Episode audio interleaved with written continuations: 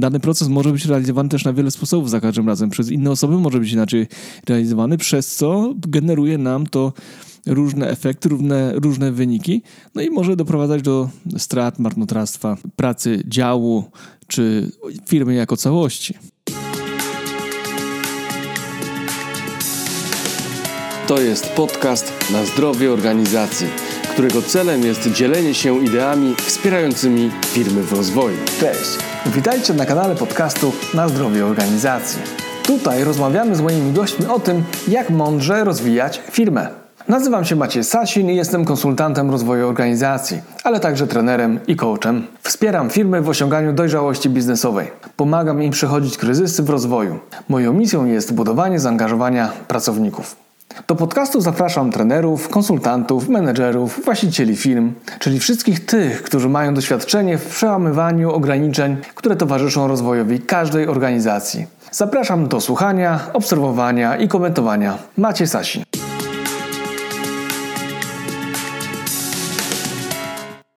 Cześć. Witaj w 113 odcinku podcastu Na zdrowie organizacji. Z tej strony Macie Sasin z Akademii Rozwoju Kompetencji.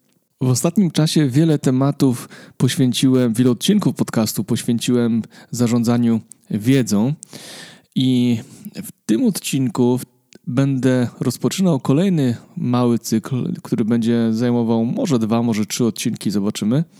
A jest on na temat zarządzania procesowego a właściwie myślenia procesowego. Dlaczego ten temat?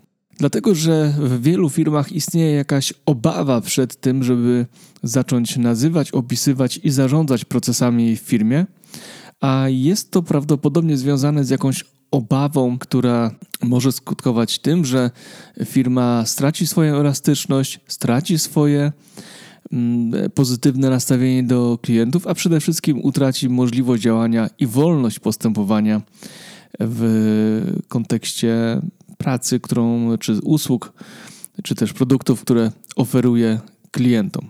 Dlatego chcę się rozprawić z kilkoma mitami na ten temat, w tym temacie i zaprosić Was do zastanowienia się nad tym, czy aby nie warto wdrożyć jednak zarządzania procesowego i myślenia procesowego w swojej firmie. Zachęcam do słuchania. Dobrego odbioru. Maciej Sasin.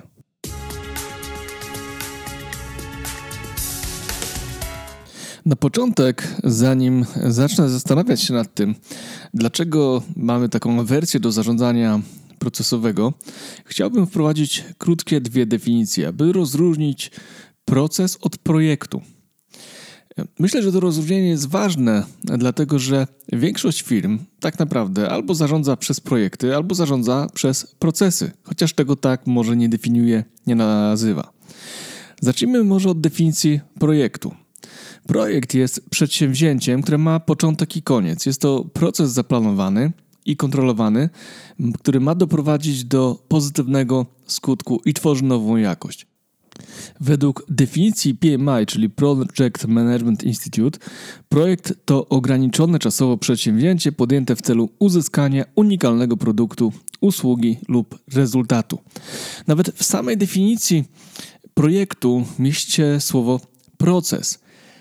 Tak naprawdę e, projekt też zarządzamy mm, w pewien sposób procesowo. Znaczy, jest na początek jakieś zebranie e, briefu tego, jak ma projekt, finalny efekt wyglądać. E, robimy plan, później robimy poszczególne kroki milowe ustalamy, to wszystko w harmonogramie, zarządzamy ryzykiem, planujemy budżet, koszty, to wszystko jest pewien powtarzalny proces. Jednak to, co tutaj jest e, efektem projektu, zazwyczaj jest unikalne. Unikalne i można powiedzieć, niepowtarzalne, czyli wynik zarządzania projektem jest niepowtarzalny. Natomiast proces jest czymś z gruntu powtarzalnym, czymś, co e, wykonujemy na co dzień, e, coś, co jest treścią, można powiedzieć, danej e, pracy, na przykład wprowadzanie faktur do komputera, do systemu. Czym zatem jest proces?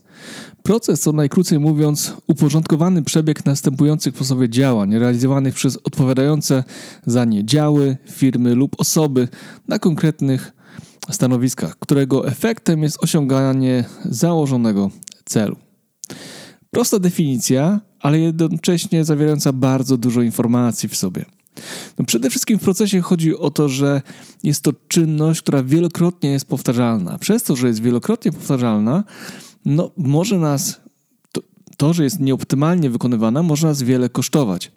E, to, że jest wykonywany dany proces może być realizowany też na wiele sposobów za każdym razem. Przez inne osoby może być inaczej realizowany, przez co generuje nam to różne efekty, różne, różne wyniki, no i może doprowadzać do strat, marnotrawstwa, pracy działu czy firmy jako całości.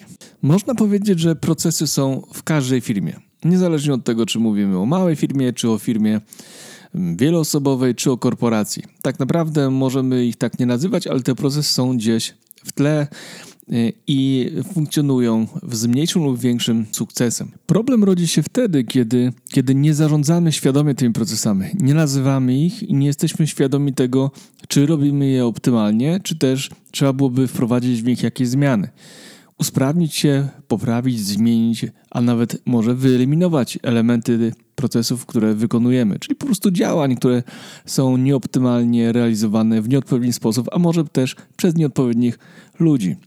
A właściwie nie ludzi, tylko poprzez nieodpowiednie stanowiska, które ci ludzie piastują. W wielu firmach nie ma stanowisk pracy, które są dobrze opisane, są bardzo ogólnikowo, nieprecyzyjnie, albo po prostu nie są w ogóle opisane. Taka sytuacja może doprowadzać do tego, że brakuje w firmie specjalizacji, że osoby na stanowiskach łączą ze sobą wiele różnych ról, przez co nie można efektywnie wykonywać, nie mogą efektywnie wykonywać swojej pracy. Oczywiście zdaję sobie z tego sprawę, że w wielu firmach, szczególnie tych mniejszych, nie da się wykonywać pracy, która jest tylko zamknięta do jednej specjalizacji, ale jednocześnie musimy nazwać sobie role, w których pracownicy się znajdują. Jedna osoba może wypełniać e, kilka ról, jeżeli jest taka potrzeba, ale tak czy inaczej powinno to być opisane, ponieważ jeżeli nie ma osoby odpowiedzialnej za dane działania, za dany proces, lub nie ma ona odpowiedniego pełnomocnictwa do, tego, do jej wykonywania, nie zna też sposobów optymalnego wykonywania tego działania, może to doprowadzić do tego, że efektywność wykonywanej pracy po prostu spadnie. Z moich doświadczeń oporem przed wprowadzeniem procesów, przed myśleniem w kategorii procesów jest takie myślenie w kategoriach my jesteśmy specyficzni. Nasze procesy są tak specyficzne, są tak złożone, że nie da ich się opisać, nie da ich się nimi zarządzać. Jest tak wiele zmiennych, tyle możliwości, że naprawdę jest to niemożliwe.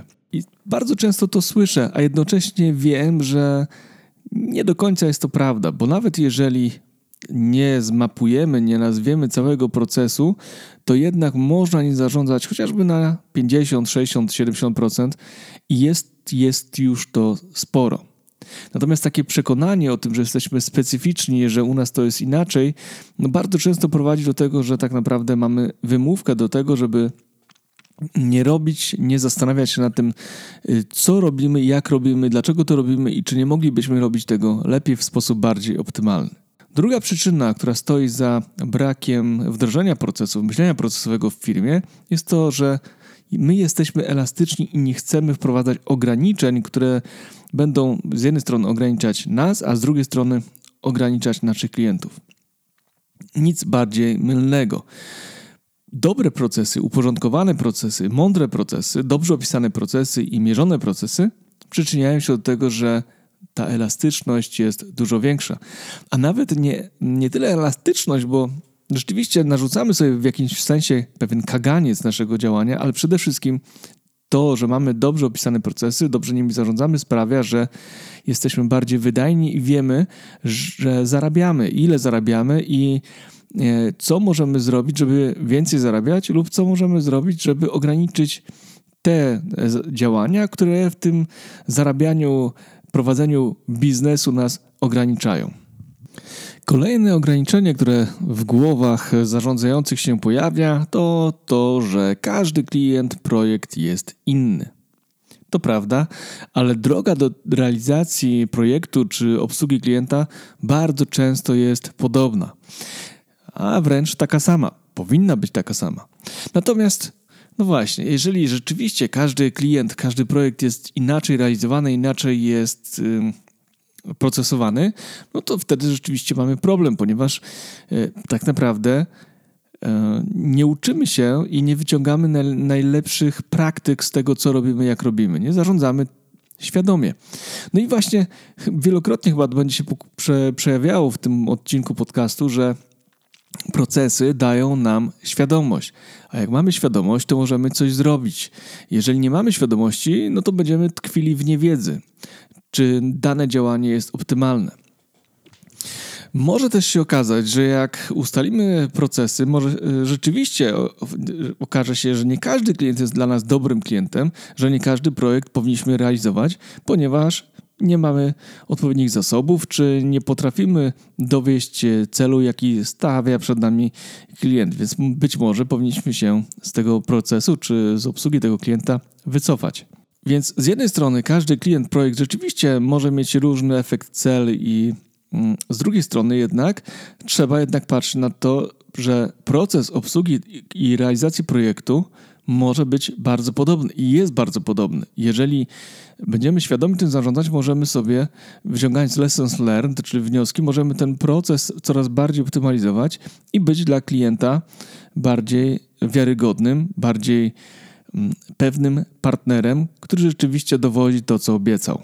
Innym powodem, dla którego nie chcemy wdrażać myślenia procesowego do zarządzania firmą, jest obawa przed nadmierną biurokracją takie myślenie w kategorii my jesteśmy małą firmą, nie chcemy wymyślać tutaj jakiejś papierologii, która będzie nas ograniczać w działaniu. No to prawda, jeżeli procesy, zarządzanie procesami ma, ma być pustą biurokracją, to rzeczywiście bez sensu jest wdrażać coś, co będzie tylko kulą u nogi. Więc y, dobry proces to nie jest biurokracja, to jest po prostu kierunek to jest checklista, to jest kolejność działań, które będą optymalne dla, dla, realizacji działań. Jeżeli będą to opasłe tomy, które będą doprowadzały do tego, że będziemy czuli się zagubieni, czy po prostu będziemy mieli wrażenie, że robimy tylko dla samego robienia, to rzeczywiście jest bez sensu. No i co dalej za tą biurokracją, za tym obawą przed biurokracją, często jest takie powiedzenie: nie chcemy być korporacją. OK, nie chcemy być korporacją, nie chcecie być korporacją. Dlaczego? Korporacja źle się kojarzy. No w korporacji są procedury, są instrukcje, są systemy. Ale czy to jest problem e, korporacji? No nie do końca. Zazwyczaj nie lubimy korporacji, dlatego że, no właśnie, ta praca jest bardzo mocno poszatkowana i każdy wykonuje jeden kawałek y, procesu, dłuższego procesu, albo też mamy wrażenie, że relacje, które panują w korporacjach są nieautentyczne, bezosobowe, że bardzo trudno podejmowanie decyzji, że komunikacja przebiega nieskończoność, że bardzo trudno uzyskać jakąś właśnie decyzję w związku z tym, że no, trudno dotrzeć do osoby, która wykonuje dany element. To są zazwyczaj e, element procesu, który z nami na przykład współgra. No i to są te niedogodności, które zazwyczaj kojarzą nam się z korporacjami. Natomiast jeżeli tak naprawdę spojrzeć na, na procesy, które są w korporacjach wdrażane, to rzeczywiście mogą często służyć za wzór do realizacji. Natomiast jest gdzieś taka obawa, że samo słowo korporacja już będzie zniechęcać pracowników, współpracowników do działania. No bo za słowem proces kryje się często standard obsługi klienta, y, kryje się jakaś checklista, kryje się jakaś instrukcja. No i to jest element, który mm, jest w jakiś sposób zbiurokratyzowany. No ale cóż, czasem jeżeli chcemy Y, uzyskać większą powtarzalność, większą e, elastyczność, musimy jednak narzucić sobie w cudzysłowie kaganiec, jakim jest weryfikowalny, powtarzalny, nazwany proces.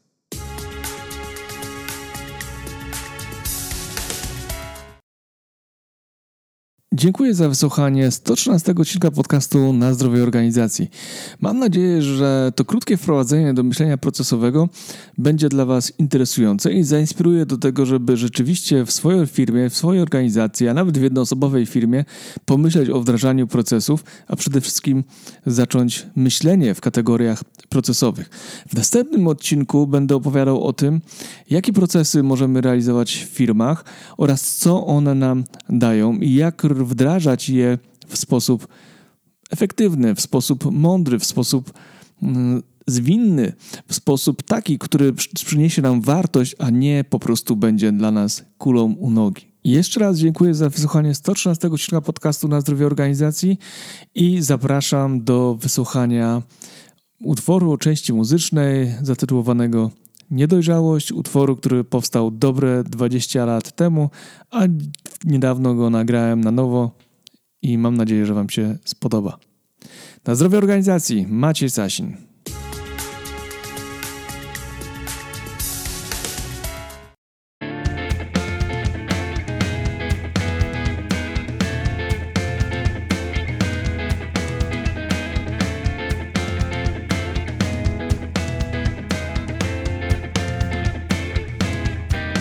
Jeszcze myśli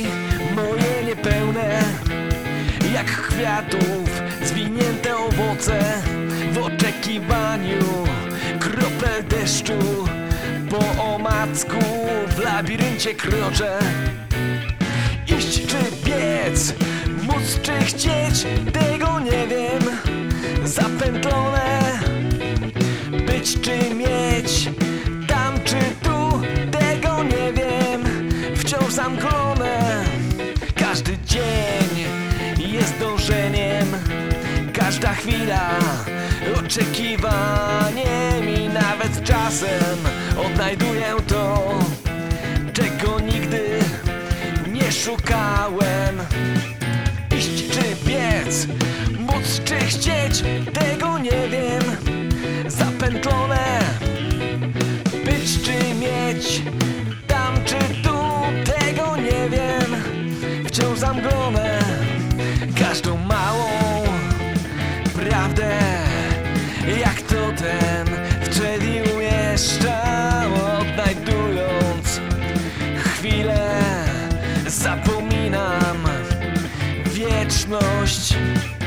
Iść czy biec, móc czy chcieć, tego nie wiem.